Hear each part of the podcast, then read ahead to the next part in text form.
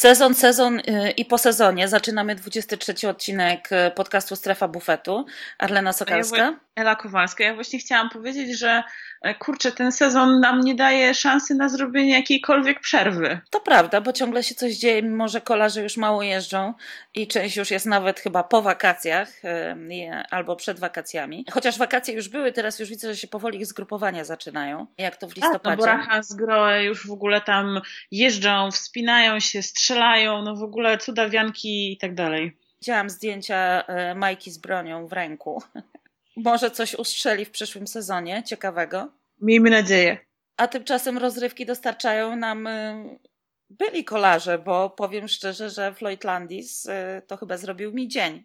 Oj, bo on po prostu widzisz, bo mi się wydaje, że on po prostu chyba za bardzo korzysta ze swojego biznesu. Po prostu jego core biznesem jest teraz, no cóż, no produkuje zioło, no zajmuje się hodowlą zioła i chyba po prostu pan Floyd za dużo się sztachnął.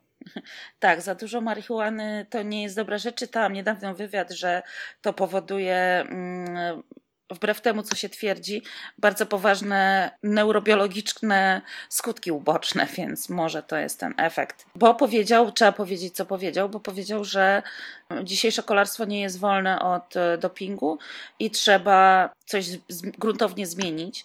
Może to i racja, może coś w tym jest, może nawet więcej niż coś. Natomiast w momencie, jeżeli osoba pokroju Floyda Landisa opowiada takie rzeczy, to mnie się no to jest po prostu hip- śmiać. Tak, hipokryzja level hard, no po prostu.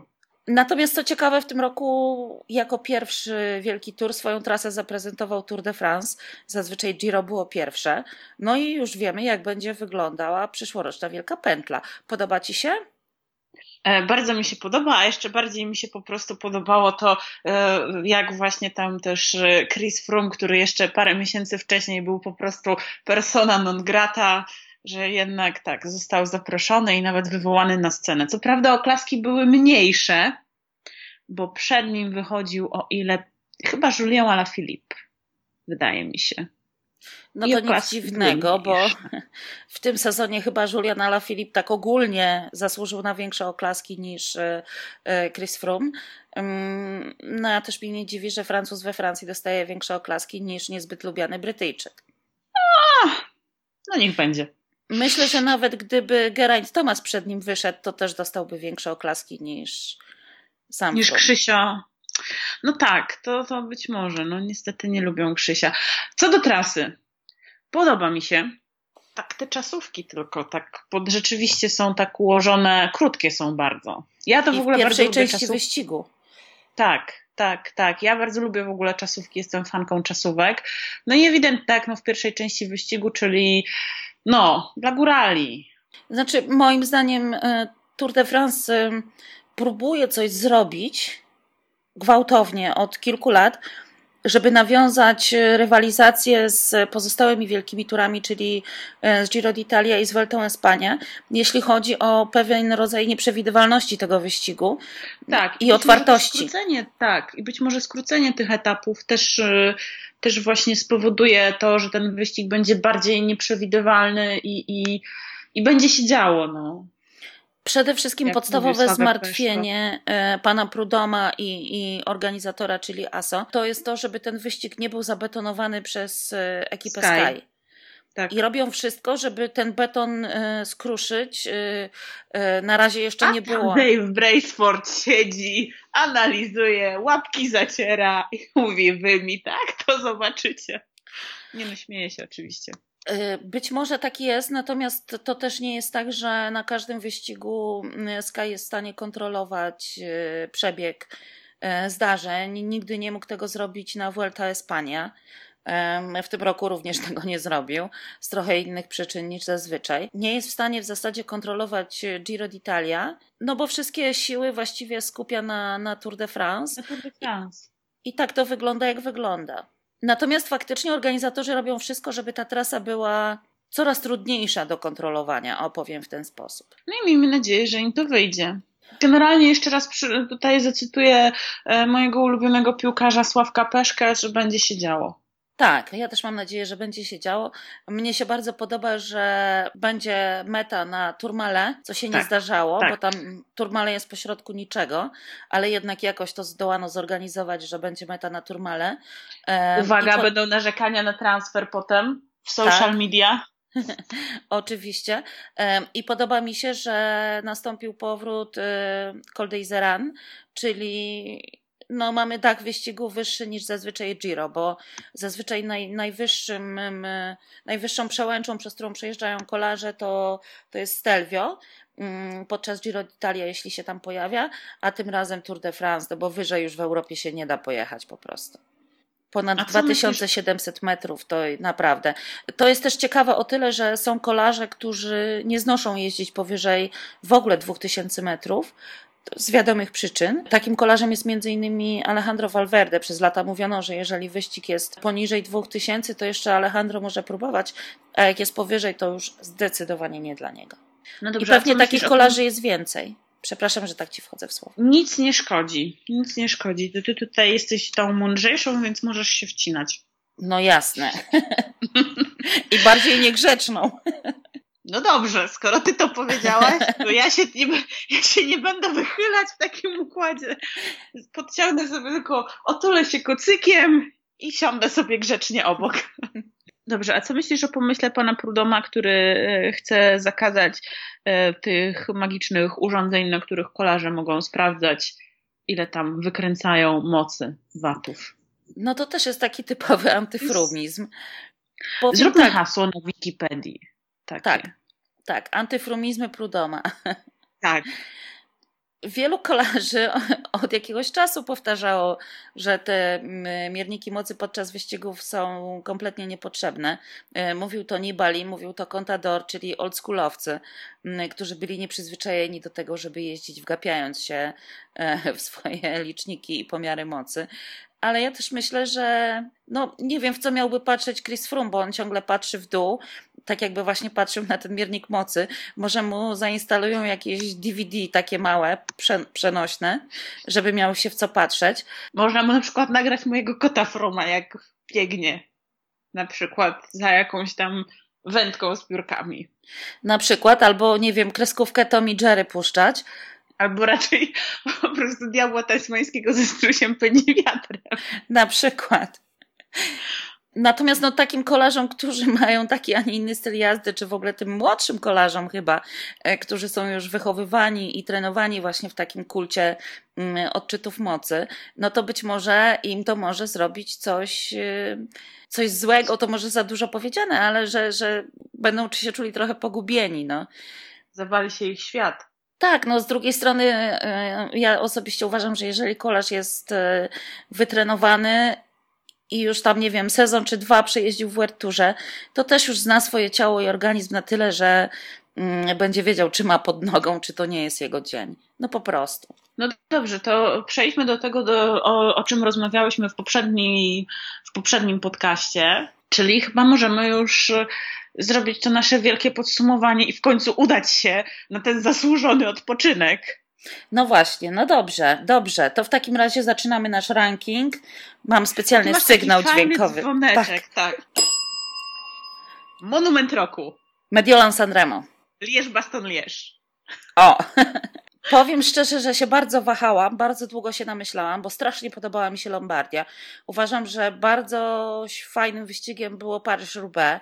Natomiast e, po dłuższym przemyśleniu sprawy doszłam do wniosku, że jednak to, że Thibaut Pinot wygrał Lombardię, czy to, że Sagan wygrał um, Paryż-Roubaix, tak. czy nawet to, że Jungels wygrał um, Lierz-Baston-Lierz, to nie było nic takiego niezwykłego w porównaniu z tym, że Nibali tak. wygrał Mediolan San Remo. Właściwie jedyny monument dla sprinterów tak naprawdę, czy dla kolarzy, którzy finiszują zazwyczaj z mniejszej grupki, czy nawet czasami bardzo dużej grupki. W 2017, kiedy uciekło trzech kolarzy, ten peleton siedział im w zasadzie za plecami, natomiast Nibalemu udało się odjechać y, samemu. To jak jechał, nie oglądał się, parł do przodu, tak jakby cały czas wierzył, każdą minutę tego swojego odjazdu, każdą sekundę, wierzył, że dojedzie do mety, no i mu się udało. Dla mnie to było epickie zwycięstwo.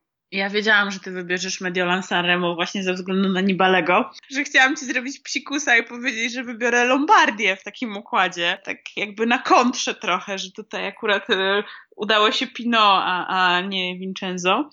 No ale jednak y, pomyślałam, że tak przypominając sobie to, te, te monumenty, to, to, to jednak Jungels. Ja jestem jednak wielką fanką jego talentu. Bardzo mi się podobał styl, w jakim Jungels e, ten wyścig wygrał.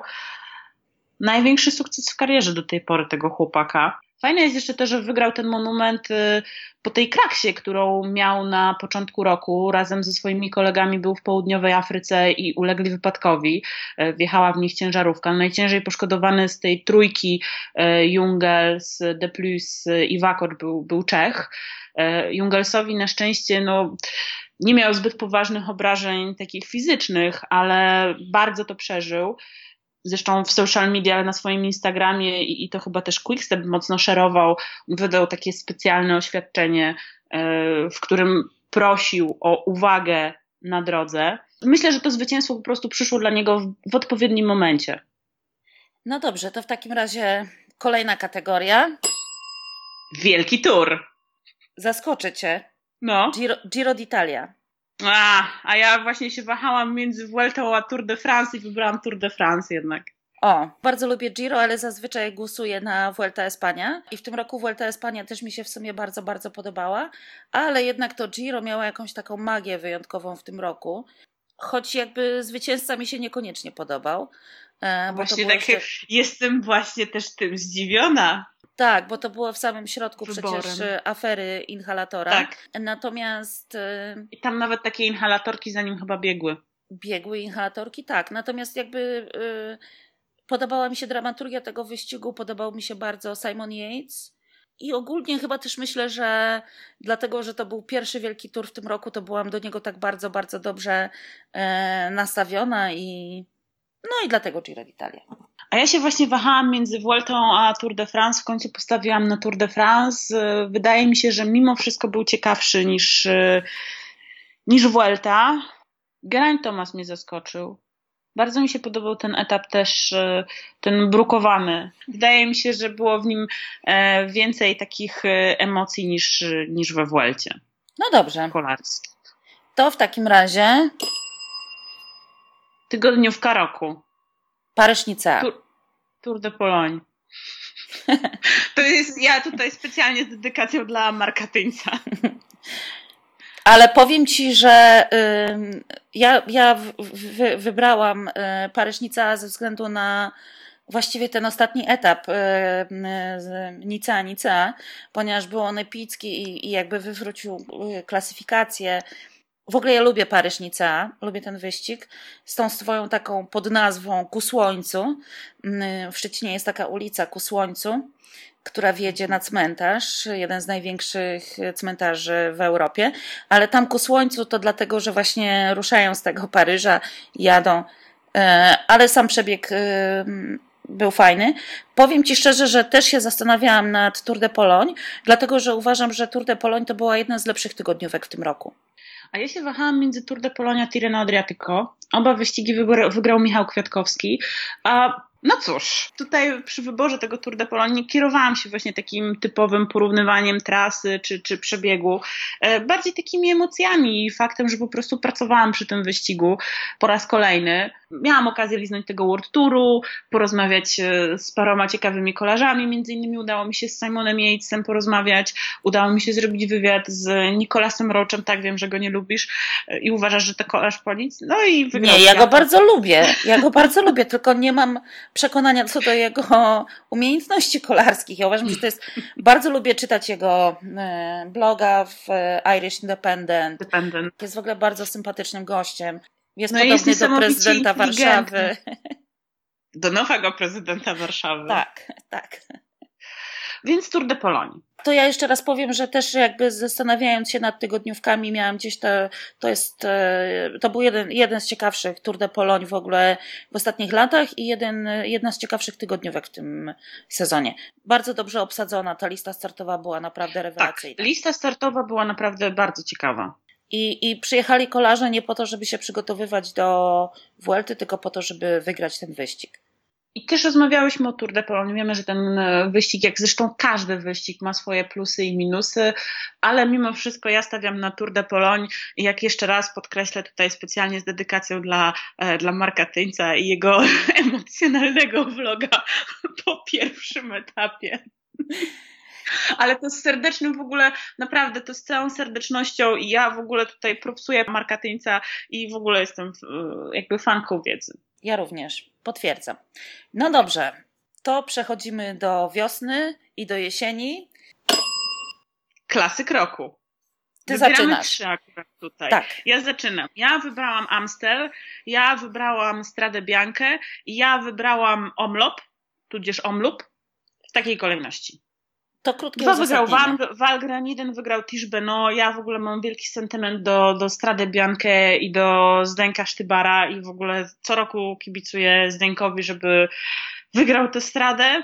Było bardzo interesujące, bardzo w ogóle, bardzo mi się podobało też to, że udało się kolarzowi, który nie jeździ na co dzień e, na szosie, to jest Wout van Aert, o ile dobrze pamiętam i o ile dobrze czytam, e, jemu się udało wbić na podium.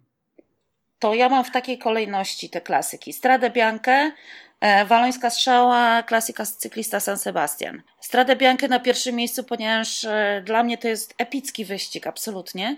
I nieprzypadkowo ma tą hasło eroika w swojej nazwie, bo on jest właśnie taki heroiczno-epicki.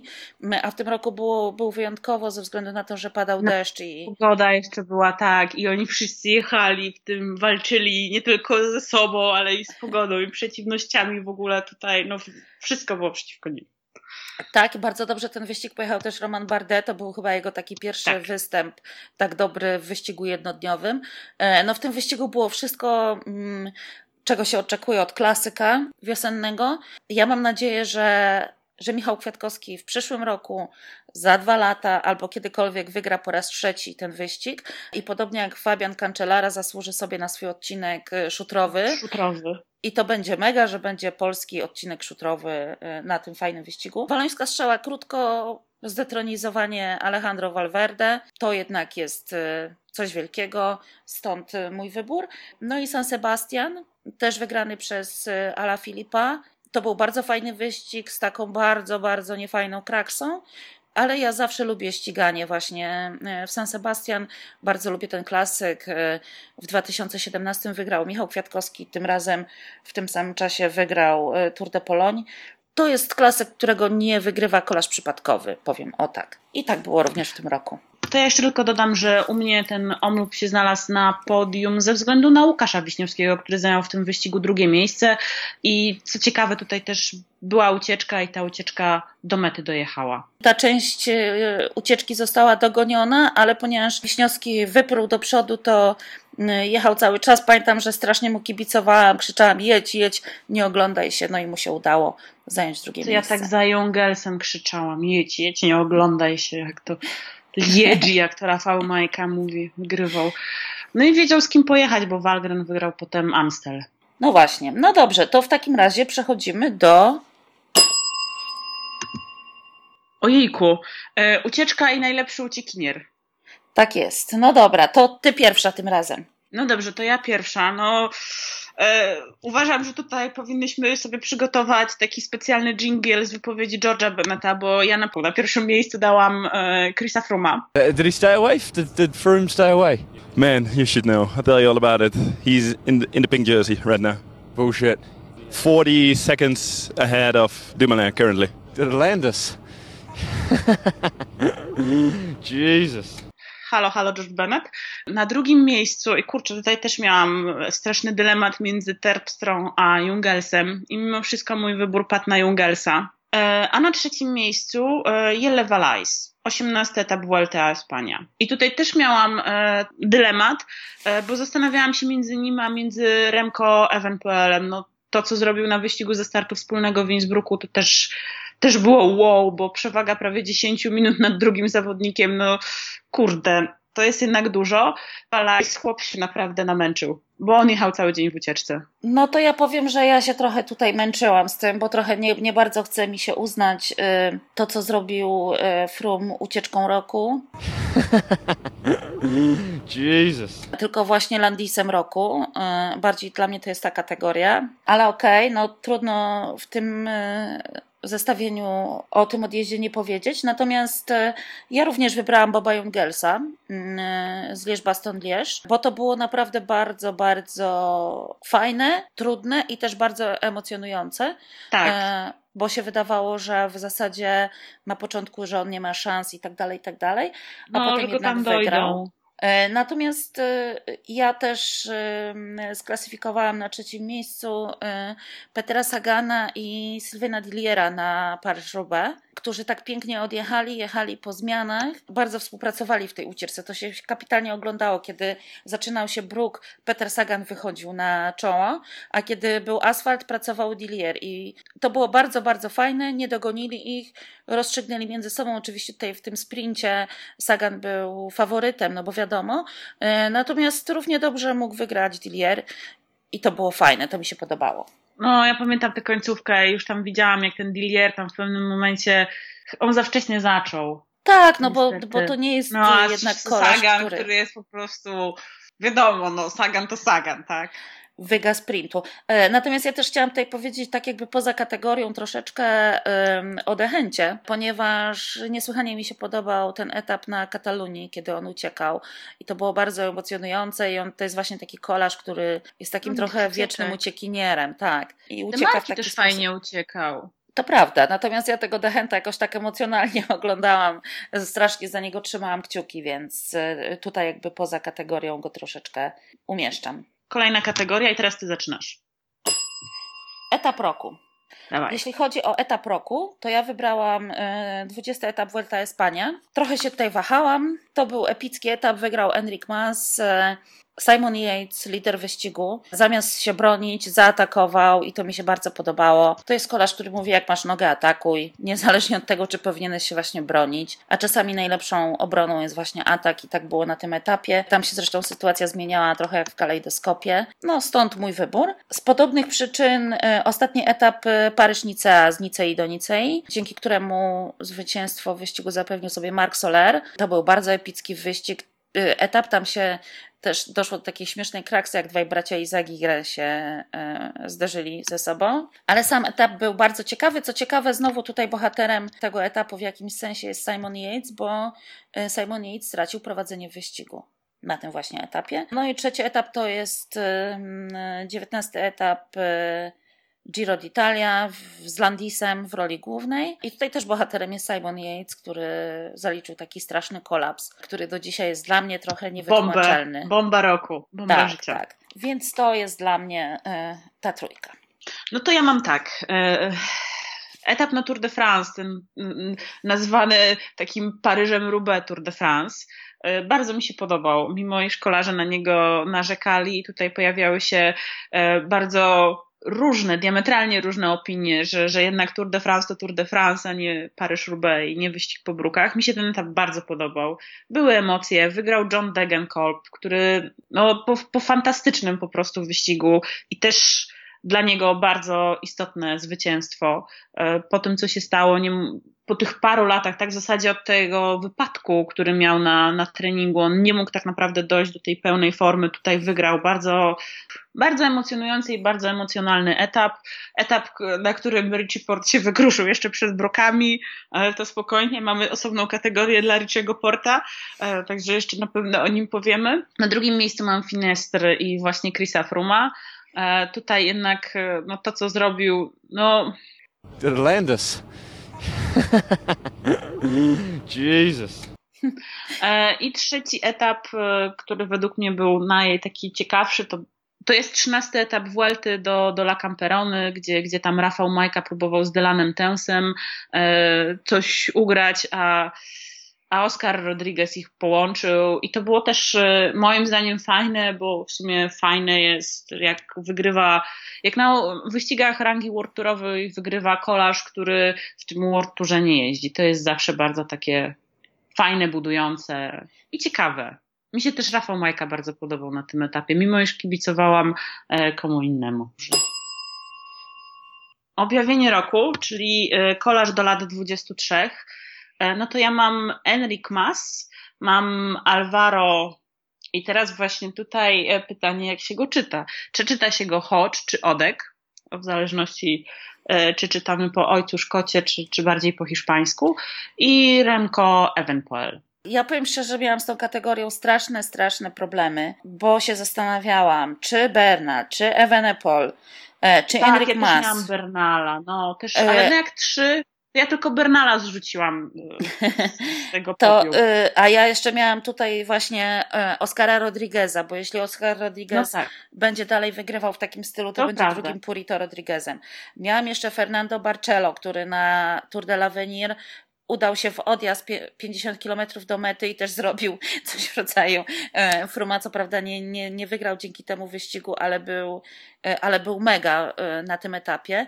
Też jakoś tam myślę ciepło o Tadeju Pogaczarze, który w ogóle wygrał Tour, Tour de l'Avenir, mm, bo jak ktoś wygrywa Tour de l'Avenir, to znaczy, że za chwilę będzie wielkim kolarzem.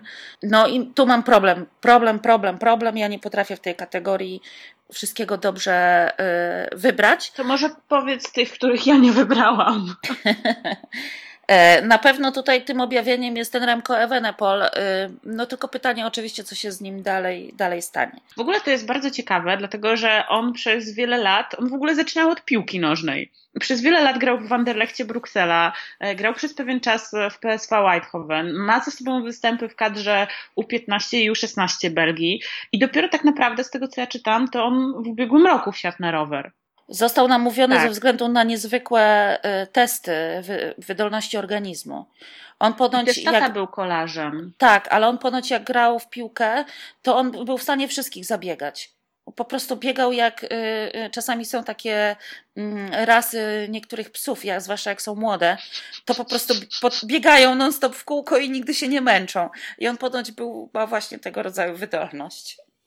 No to dobrze, że to spożytkowali w ten sposób, no bo on jest podwójnym mistrzem świata i podwójnym mistrzem Europy w tym momencie. No pytanie oczywiście, co z niego wyrośnie, natomiast... No tak, tak, tak. Jeśli chodzi o Enrika Massa, to już widać, że wyrósł z niego naprawdę bardzo, bardzo dobry kolarz i wychowanek Alberto Contadora, czyli tej fundacji Contador, pierwszy taki z tej y, grupy młodych ludzi, bardzo fajnie, że kolarze zakładają takie organizacje i takie fundacje. Chociażby, nie wiem, Michał Kwiatkowski ma też swoją e, e, akademię i to jest bardzo, bardzo dobre. No i też to jest kolarz, bo zawsze jednak e, ekipa Quickstepu była znana z tego, że są skalpami etapów, a tutaj kolarz, który no tak praktycznie z marszu wszedł na generalkę. Zakontraktowany jeszcze na przyszły rok. Ciekawe, jak się rozwinie jego kariera mm, w następnych latach. To bardzo jestem ciekawa. Mówię, jeszcze też bardzo, bardzo trzymam kciuki za tego Fernando Barcello, bo mi się bardzo spodobał. No, zobaczymy. Dobrze, to przechodzimy do następnej kategorii, chyba naszej ulubionej, mojej ulubionej. Chyba pierwsza jednomyślność tutaj będzie, przynajmniej jeśli chodzi o pierwsze miejsce. Tak. Największy pechowiec. Richie Port. Richie Port. Ja mam, tak. Ja mam ochotę powiedzieć karmo odpuść. Naprawdę. Ja myślę, że on po prostu, nie wiem, no w dzieciństwie albo naprawdę w dzieciństwie chyba musiał męczyć jakieś zwierzątka i znęcać się nad łombatami, bo no karma nie odpuszcza, no. Zrobić sobie po prostu DNF-a na Tour de France jeszcze przed brukami, I żeby to było. Tak, i żeby to było tylko to, to, to jeszcze pół biedy, bo to się zdarza e, w najlepszej rodzinie i w najlepszej ekipie takie rzeczy, ale faktycznie Richiego Porta ten pech nie opuszcza już od e, chyba dwóch lat. Natomiast ja na drugim miejscu umieściłam Vincenzo Nibaliego, bo jednak ten uraz kręgosłupa podczas um, Tour de France trochę przekreślił jego marzenia o tym, jak ma się potoczyć dalsza część sezonu. A widać było z, chociażby z tego, jak Nibali jechał w Lombardii, że on był generalnie do tego sezonu dobrze przygotowany i po prostu potrzebował tylko jakby więcej czasu, żeby po tej kontuzji wrócić do, do siebie. No szkoda mi go było po prostu. No ja na drugim miejscu mam e, kolarza, którego ochrzciłaś mianem rowerowej pierdoły, czyli Dylana Tensa. Drugi, drugi, trzeci, czwarty, piąty, no po prostu tak, ewidentnie mu, mu nie szło. Może ta Lombardia na, na sam koniec sezonu może być dla niego pewnego rodzaju pocieszeniem. Zmienia ekipę, On z tego, co mi mówił w wywiadzie, jest bardzo zadowolony z tej zmiany, już się na nią nie może doczekać. My mamy trochę inne zdanie. Zobaczymy, jak się potoczy. No po tym poprzednim sezonie, w którym e, wygrał trzy etapówki z rzędu, to jednak oczekiwałoby się po nim no, troszeczkę więcej, ale tutaj mu zabrakło momentami szczęścia. A ja na trzecim miejscu umieściłam Rafała Majkę, bo mam wrażenie, że ten sezon był dla niego po prostu bardziej pechowo niż, pechowy niż źle wytrenowany i że mam wrażenie, że jakby to, to jego osiągnięcia nie odzwierciedlały jego wysokiej formy. Forma była lepsza niż wyniki, opowiem w ten sposób. Mam nadzieję, ja że też... też karma się odwróci. Ja też właśnie się wahałam, jeśli chodzi o trzecie miejsce między, między Rafałem a, a kolarzem, którego w końcu wybrałam i jest to Mark Cavendish. Tutaj tym razem EBV nie odpuszcza. Nie wolno po prostu całować hostes na podium. na przykład, y, na szczęście Cavendish podpisał kontrakt, przedłużył kontrakt. Z Dimension, tak, z Dimension Data. I być może przyszły sezon będzie lepszy w jego wykonaniu. No i tak powoli chyba myślę, że Cav y, powinien y, myśleć o zakończeniu kariery. No. Ale na szczęście wrócił. Wrócił do social media, bo bardzo mi go brakowało i to odnośnie kolejnej kategorii. Social Media Ninja. Daję ci tutaj ja... pierwszeństwo. Dobrze. No to w ogóle moje serce skradły e, dwa kocury.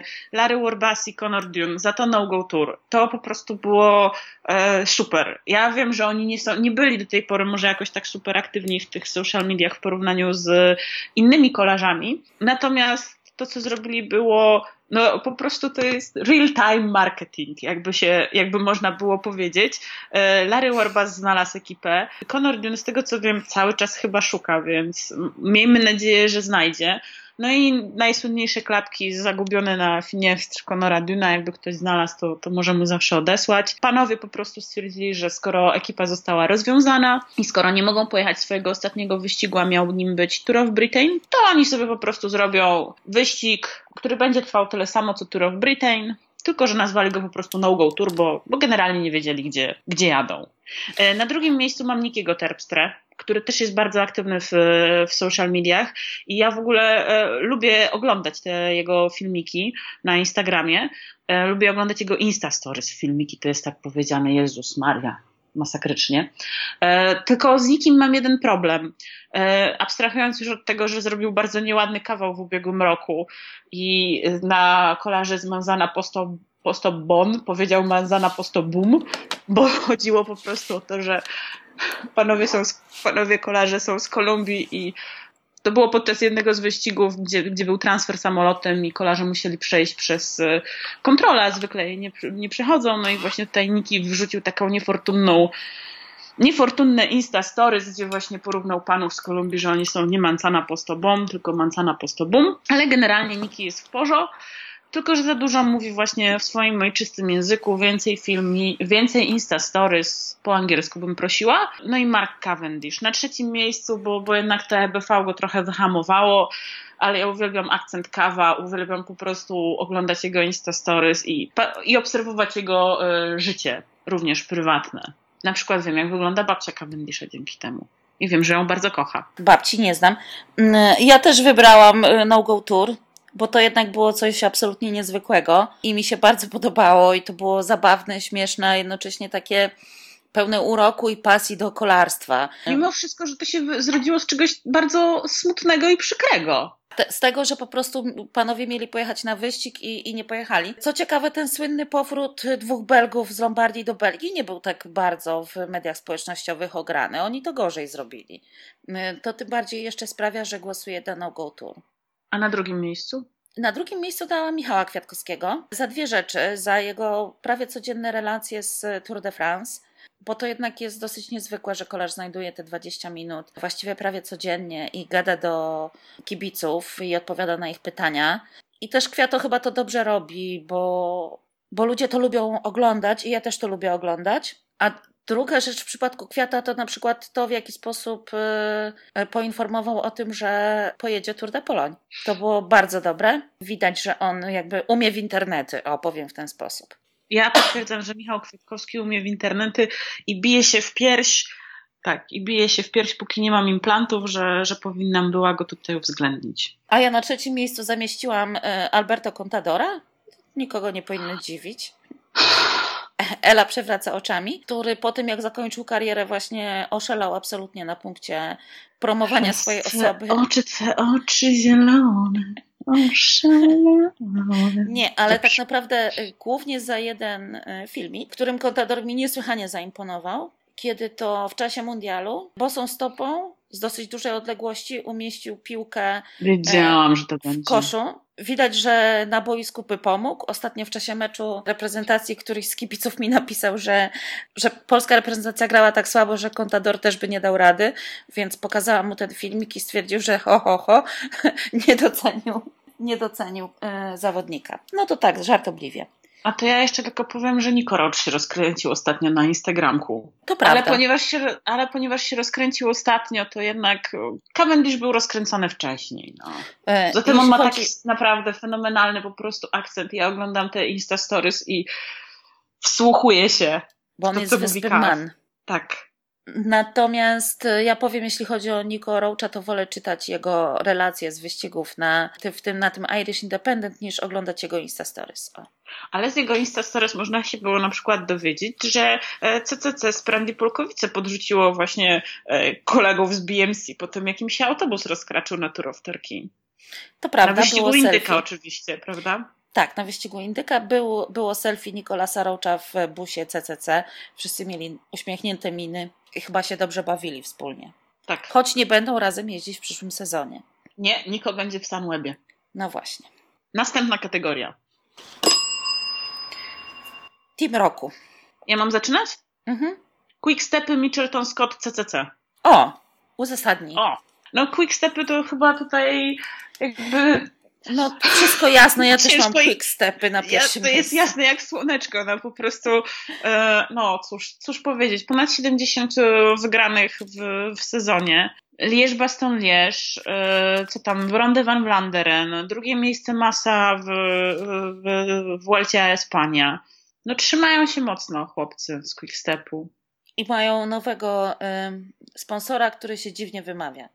Tak, mają nowego sponsora, ale póki nie ma 2019 roku, to ja myślę, że możemy na razie sobie darować. Pouczmy się oczywiście tej nazwy, tak? e, Ja już się nawet nauczyłam, tylko zapomniałam, bo ym, Jose Jose Bin. Bin. y, Tak, ona tam z kebabem coś nawet. tak, i to się wymawia zupełnie łatwo i zupełnie inaczej niż y, y, mi się wydawało. Wcale nie jest francuska. Na drugim miejscu u mnie Mitchelton Scott, bo miałam takie poczucie, że właśnie, ponieważ nie doceniłam e, w tych e, mm, poprzednich kategoriach tego Simona Yatesa, który jednak widać, że wyciągnął że wyciągnął wnioski z, z lekcji, jaką dostał na Giro, e, że bardzo dobrze pojechał tę Vueltę, zarówno on, jak, jak i ekipa, to pomyślałam, że właśnie tutaj w jakiś sposób nagrodzę Mitcheltona, zwłaszcza, że oni też mają taką filozofię, że nie mają takiego z góry określonego lidera, że tam każdy może być liderem, że tutaj jest taka bardziej egalitarność wśród tych kolarzy. Chociaż oczywiście skazą może było troszeczkę to, w jaki sposób oni się zachowali wobec Kaleba Iwena, który, który zdecydował się opuścić szeregi tej drużyny. I tutaj rzeczywiście taka pojawiła się taka rysa jak u mnie na, e, na błotniku po tym, jak spotkałam się z doniczką pod Luxmedem. Ale mimo wszystko e, Mitchelton Scott e, uważam, że należy im się za, za Simona Yatesa przede wszystkim i za postawę ekipy w, e, w Giro i, i, i na Vuelcie. A CCC, no, no bo wchodzi do World Touru. I też właśnie u mnie nie było w poprzednich kategoriach, jakby też nie było Polaków, bardziej skupiałam się na kolarzach z zagranicy i tutaj pomyślałam, że mimo wszystko no jest to, jest to wyczyn. To będzie pierwsza, ekip, pierwsza polska ekipa World Tourowa, polska ekipa, która stanie na starcie Tour de France, Giro d'Italia, Vuelta a Espania i nie będzie się musiała ubiegać o dzikie karty, tylko po prostu pojedzie tam z marszu. Takie jest moje uzasadnienie. Ja też oczywiście głosowa- głosuję na Quickstep Lors z wiadomych powodów. No to jest jednak imponujące. Na drugim miejscu mam Lotto Enel Jumbo. Uważam, że to jest bardzo fajny team. Bardzo mi się podobał w kilku wyścigach, chociażby obronili koszulkę Michałowi Kwiatkowskiemu na Vuelta Espania na jednym z etapów. Są tam bardzo interesujące kolarze i no myślę, że to jest e, ciekawa ekipa. A na trzecim miejscu mam Team Sunweb, e, który jeszcze w ubiegłym sezonie sprawiał takie wrażenie, że Tom Dumoulin jest kompletnie sam, e, jeśli chodzi o wielkie tury, a w tym roku już zupełnie tak nie było i jest tam kilku bardzo interesujących kolarzy, którzy też mogą właśnie e, dobrze jechać górskie etapy i być całkiem fajną pomocą dla lidera. No dobrze, możemy przejść w takim układzie do kategorii kolejnej. Będziemy chyba kończyć. Największy przegrany. To zacznij może ty teraz. Arlenko. Tutaj ja mam, mam wypisanych. Ja też oczywiście mam wypisanych. Największy przegrany to jest dla mnie Richie Porte. Oprócz tego, że największy Jednak. to, to jednak i największy przegrany. mu nie odpuszcza, to ty byś mu mogła odpuścić przynajmniej Tak. w tej kategorii. No ja bym mu mogła odpuścić, ale jakoś tak, tak, no tak mi się wydawało. Na drugim miejscu jest Fabio Aro, który cały sezon szukał samego siebie. Udał się na poszukiwania, ale nie znalazł. Kiedyś cię znajdę, znajdę cię. Jeszcze tylko czarne oczy gdzieś muszę wcisnąć i będę szczęśliwa. No i na trzecim miejscu mam Nairo Quintanę, który co prawda to nie, nie miał kompletnie straconego sezonu, e, bo jednak i wygrał etap na Tour de France e, i też jednak e, no, był w tych dychach wyścigów, ale takie miałam wrażenie, że to jest jeden z gorszych sezonów w ogóle w karierze Nairo Quintany. Potrafi wyprowadzać psa na podjazd. Tak. tak. Został bohaterem memów, a też jakby po tym wywiadzie, który o którym mówiłyśmy w strefie bufetu, takie szumne zapowiedzi yy, a propos tego, że jest gotów wygrać Tour de France, to właśnie tym bardziej mnie to skłoniło do tego, żeby go umieścić na tej właśnie liście. Ja tutaj potrzebuję chwili takiego wstępu, ponieważ jak ustalałyśmy za Releną e, kategorię, to powiedziałyśmy też sobie, że niekoniecznie Niekoniecznie muszą być e, w, w nich e, kolarze, e, więc ja sobie tutaj akurat pozwoliłam na największego przegranego, chociaż po prostu on powinien dostać takiego, no, tak jak się daje te, te słynne naklejki karne, wiadomo co za jakie parkowanie, to tutaj taka naklejka powinna powędrować do szefa, byłego szefa w zasadzie Aqua Blue Sport, po prostu sposób, w jaki, w jaki zakomunikował to, że ekipa nie będzie jeździć w kolejnym sezonie, a nawet już przestaje po prostu istnieć praktycznie z dnia na dzień, było słabe i to jest eufemizm. Na drugim miejscu dałam e, Marcela Kittela. Dlatego, że te reklamy Alpesina, w którym on mówi good job guys, but there is no time for rest. To w przypadku formy Marcela, no cóż, trochę nijak się miało do jego formy i, i to ewidentnie nie był sezon e, Marcela Kittela, który miał być przecież gwiazdą e, Katiuszy Alpesin. I na trzecim miejscu właśnie dałam egzekwo Fabio Aru, ciągle poszukującego i, i Nairo Quintana, który wyprowadza psy. No to tutaj pełna no, tutaj zgoda. też jakby uzasadnienie jest takie samo, więc, więc tak o. No dobrze, czyli kategoria. Największy wygrany. To ja zaczynam? No możesz. Enric Mas. Nie muszę mówić, już tutaj było mówione z jakich powodów. E, chyba nam się obu podoba ten kolarz e, i co osiągnął w tym sezonie. Na drugim miejscu Geraint Thomas, bo Mhm. jednak zwycięstwo w Tour de France, no to dla, na kolarza, na którego za, za bardzo nie stawiano.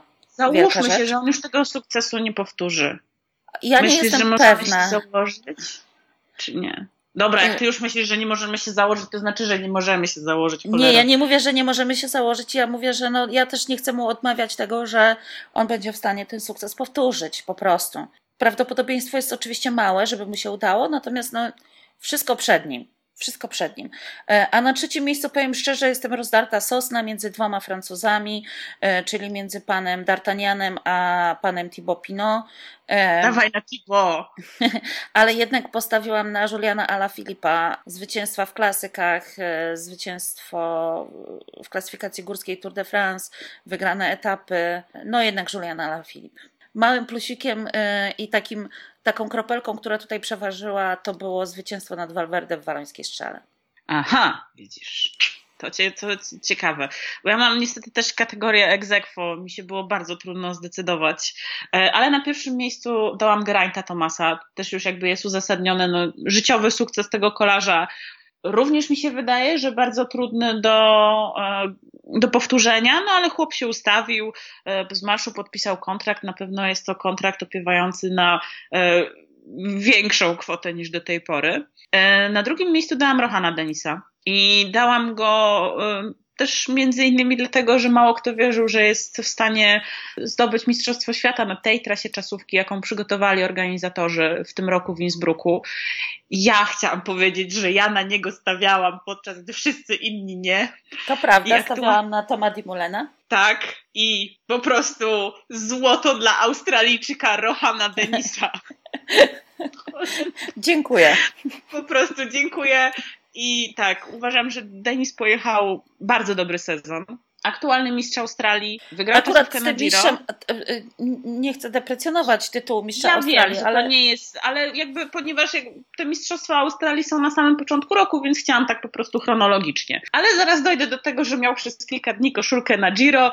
Troszkę go to Giro oczywiście e, jakby zweryfikowało jego może myślenie, ambicje dotyczące tego, żeby być liderem na, na wielkie tury. Wygrał dwie czasówki na Vuelcie. Udało mu się przygotować też na Mistrzostwa Świata, które wygrał. E, No i też ja miałam okazję z nim chwilkę porozmawiać w Zakopanem, ponieważ e, też jechał Tour de Pologne i powiedział mi między innymi to, że ja rozmawiałam z nim o tym Giro, czy, czy, czy to Giro tak mu nie za bardzo dało po tyłku i czy nadal chce być tym liderem na wielkie tury. Powiedział, że absolutnie e, tak i że, że to Giro wyniósł z tego konkretną lekcję, natomiast jest bardzo zadowolony z tego, jakie robi postępy w kierunku tego, aby być liderem na wielkie tury i stwierdził, że jego bardzo dużym sukcesem było to, że, że udało mu się trochę e, zrzucić kilogramów, nie tracąc tej mocy, no i przede wszystkim też pozostając zdrowym, bo on podkreślał, że kolarze zwykle jak chudną, to też spada im odporność i, i mają dużo takich e, DNF-ów. No, on się przed tym uchronił, pojechał dobrze i uważam, że,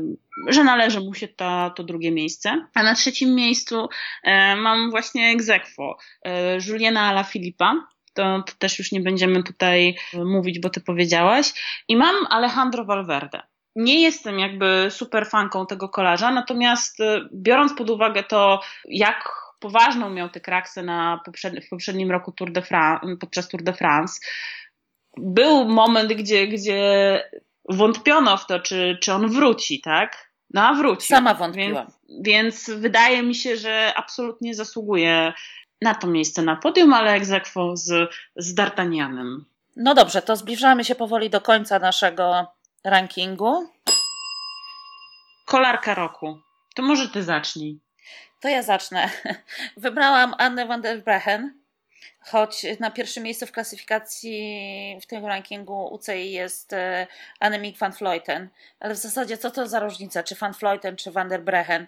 Dwie Holenderki. Holenderki po prostu jakby w tym sezonie zmiażdżyły swoje rywalki właściwie we wszystkich e, kategoriach, we wszystkich konkurencjach, a te dwie kolarki to się właściwie e, zamieniają tylko Lista minęła. Tak. na podium, podium. tak. Mhm. Więc y, te dwie. Przy czym muszę powiedzieć, że mojemu sercu bliższa jest Van der Brechen. Też jakby z powodu charakterystyki jej jako kolarki, ale też i z, z tego powodu, że jej rywalki wypowiadają się o niej niesłychanie ciepło i mówią, że jest po prostu fantastyczną babką. Więc y, mam nadzieję, że jest zasłużenie, zasłużenie na tym pierwszym miejscu. A na trzecim miejscu dałam Gosię Jasińską, która co prawda nie wygrała w tym sezonie e, żadnego wyścigu werturowego, jak sobie planowała i jak e, bardzo chciała.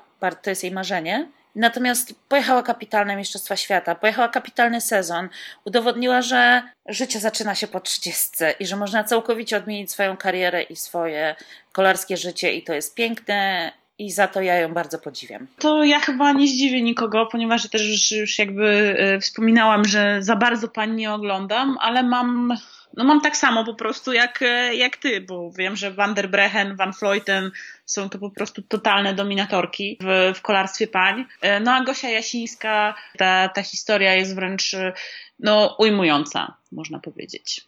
O Boże, i najgorsze po prostu, co może nas czekać. Ostatnia kategoria. Najgorzej. Chryste Panie Kolarz roku, no i weź tutaj kobito wybierz, no. Ja nie wiem, czy ja dobrze wybrałam. No dawaj, dawaj, odwagi. Tuptusiu do dzieła. Tak.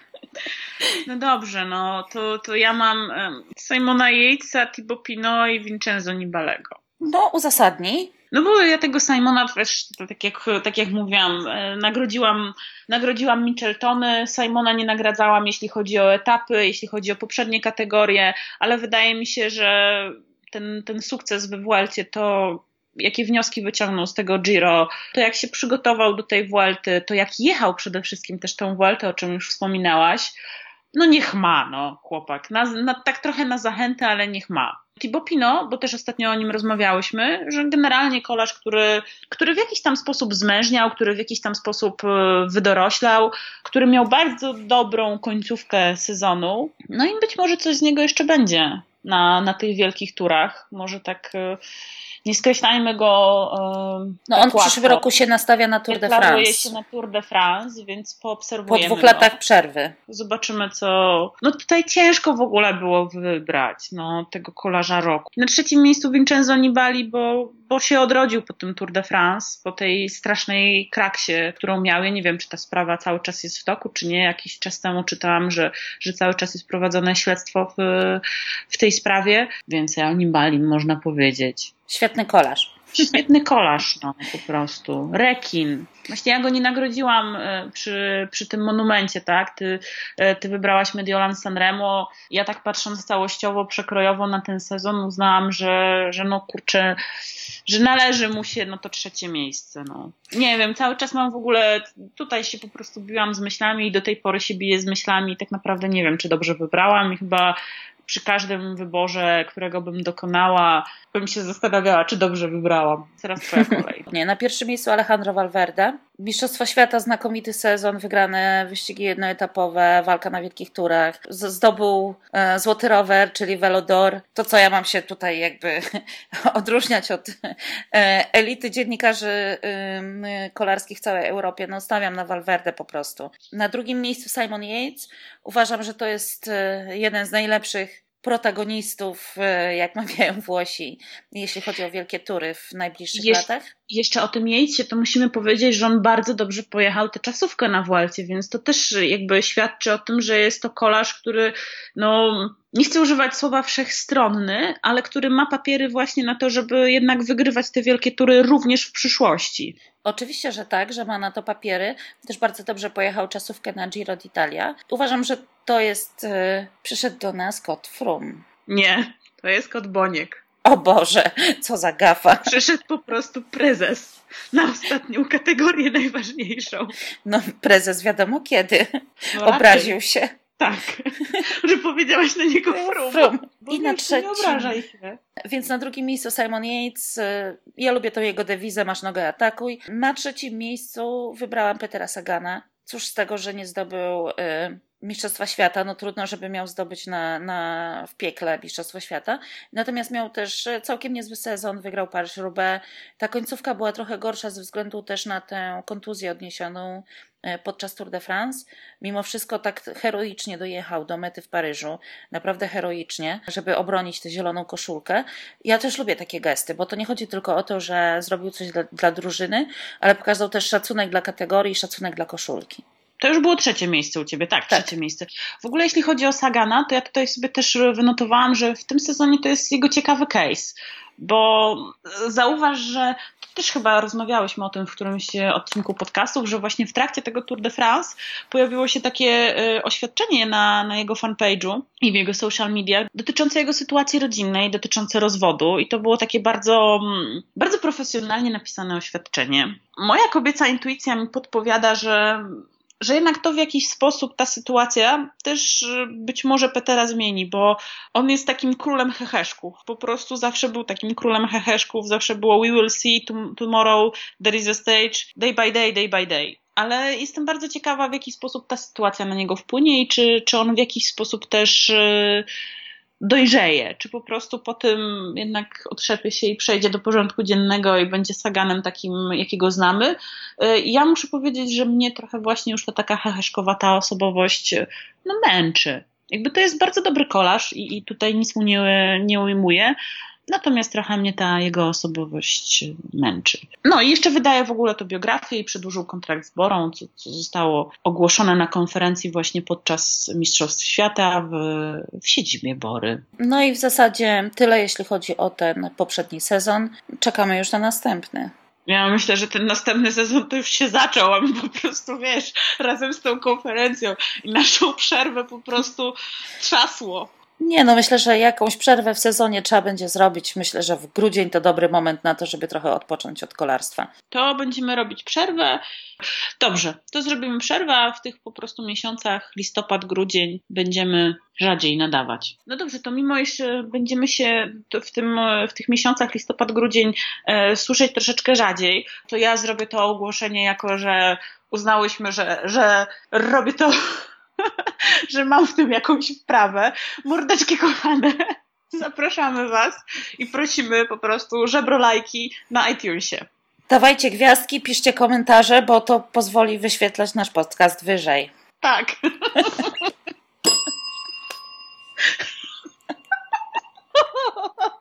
Ja muszę też mieć taki dzwonek. Jak tak. będziemy gadać głupoty, to sobie będziemy tak, dzwonić. dzwonić, tak.